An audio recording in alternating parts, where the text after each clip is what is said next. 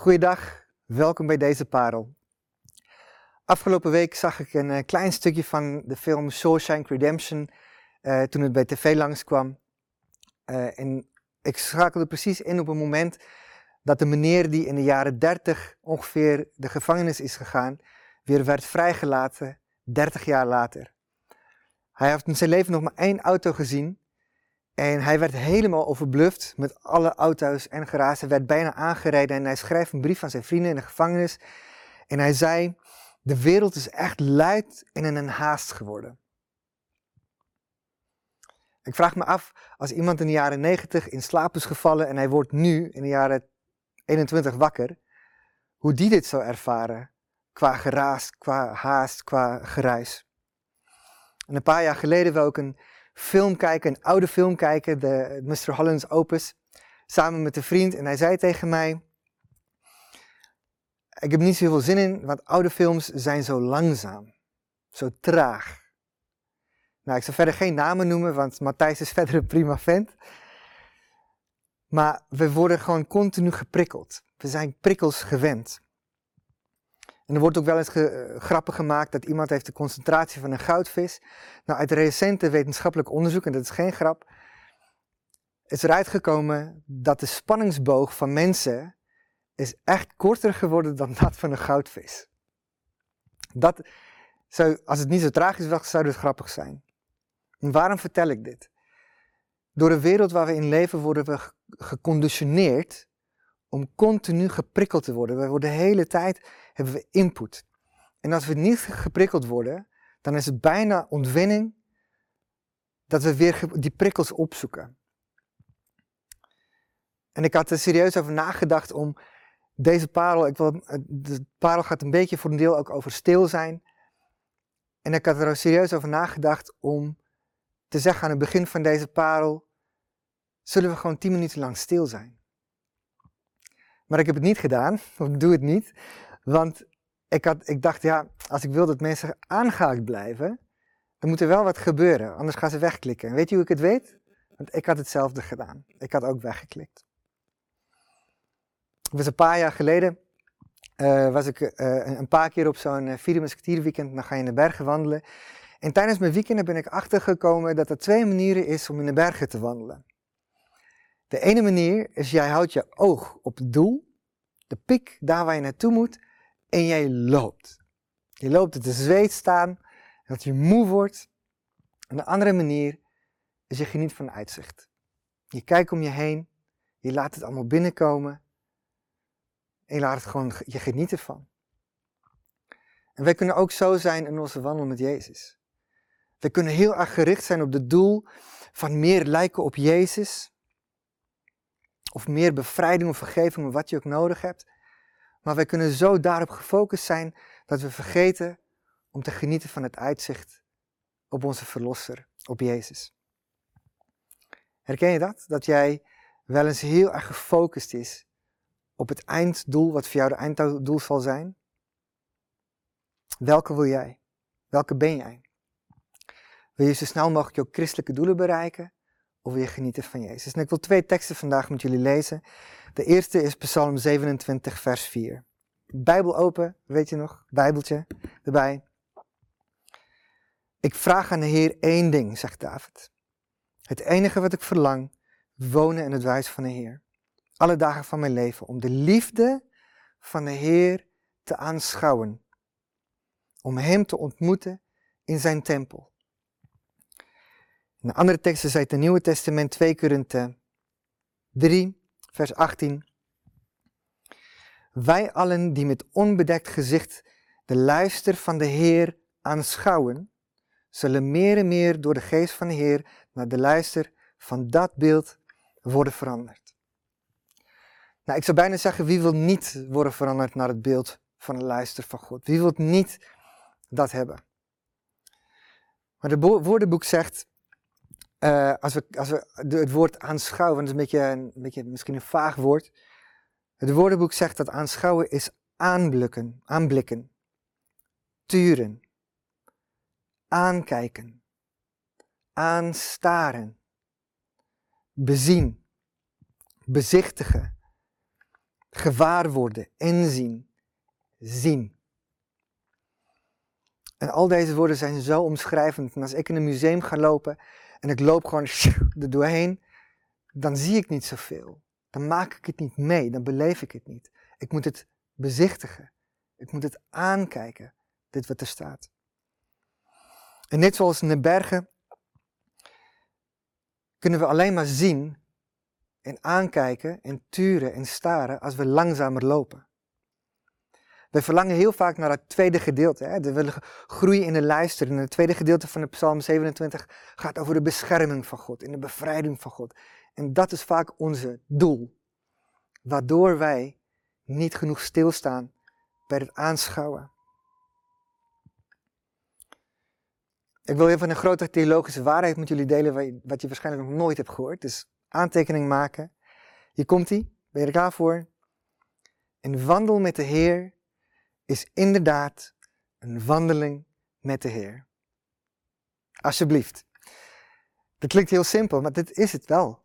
Een wandeling, een langzame wandeling met de Heer. De stilte komt voor de sensatie. De sensatie van de bevrijding en het lijken en het worden op Jezus. Het luisteren komt voor de luister. Het aanschouwen, het aankijken van Jezus komt voor zijn aanwezigheid. Wandel jij met de Heer? Of ren je met de Heer op je doel af? Vorige keer had ik het in mijn parel over een manier om de hele dag lang in aanwezigheid van God te, te, wandelen. En dat is door memorisatie. En bedankt trouwens voor foto's van jullie memorisatiekaartjes en, uh, en berichtjes via Instagram. Dat waardeer ik heel erg. En vandaag wil ik afsluiten deze parel met even kort uitleggen hoe je kunt aanschouwen. Door even te vertellen hoe ik kan aanschouwen. En het woord wat ik daarvoor gebruik is het woord gazing. Gazing prayer, aanschouwend gebed. Het is eigenlijk heel eenvoudig. Je kunt aanschouwend bidden door, neem een psalm. Psalm is vol omschrijvingen van God. Door het woorden te omcirkelen, ik kan misschien niet zo goed zien, maar op kringetjes maken om alle omschrijvingen van wat je van God ziet. En vervolgens ga je dit terugbidden naar God.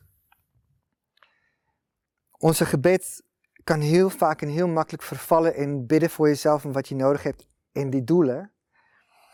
Engaging prayer of aanschouwend gebed, dan lees je mediterend, nadenkend over wat je over God leest en je bidt en benoemt dat naar God, wie Hij is. Raak je je gebeden wel eens op? Raak je gebedsvuur wel eens uitgedoofd? Met gazing prayer, met aanschouwend gebed, heb je altijd stof om over te bidden. Want het woord is het hout wat je gebedsvuur brandend houdt.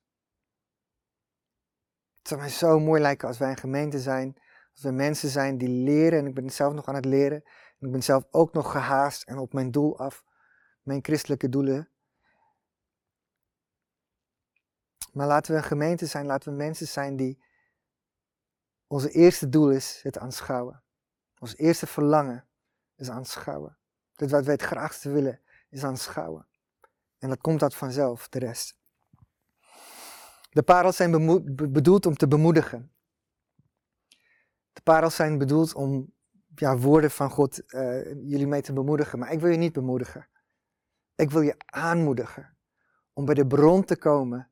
En door het uitdiepen van, dat, van Gods bron, dat je daardoor bemoedigd zal worden wat dat gebeurt. En hoe ik deze parel wil, af, wil afsluiten, is om heel kort, eenvoudig, een kort stukje gazing prayer met jou te doen. Heel kort een paar teksten. En dat je misschien even een, uh, een idee krijgt van hoe je het zelf in je leven kunt toepassen. Aan het eind ga ik wel even een gebed ook uitspreken voor jou en voor mij. Maar het begint gewoon bij het gazen. Het aanschouwen, het bekijken. 27 vers 5 psalm. Hij laat mij schuilen. Hij is een schuilplaats. Hij verbergt mij, verbergt veilig in zijn tent. Hij verbergt mij, hij is een beschermer. Hij tilt mij op hoog en hij zet me op een rots. Hij tilt mij op, hij is een vader. Heer, u bent een schuilplaats voor ons. U bent een schuilplaats. Ik moet denken aan, aan een bunker met vier muren. Dat is een oorlog of een wat dan ook woedt buiten. Bij u binnen is het veilig, want u bent een schuilplaats. En u bent een vader. Heer, wat betekent het dat u vader bent? U wilt dichtbij komen. Vader wil dichtbij komen. En vader, vader wil ook opvoeden. Heer, u bent een opvoedende vader, betrokken.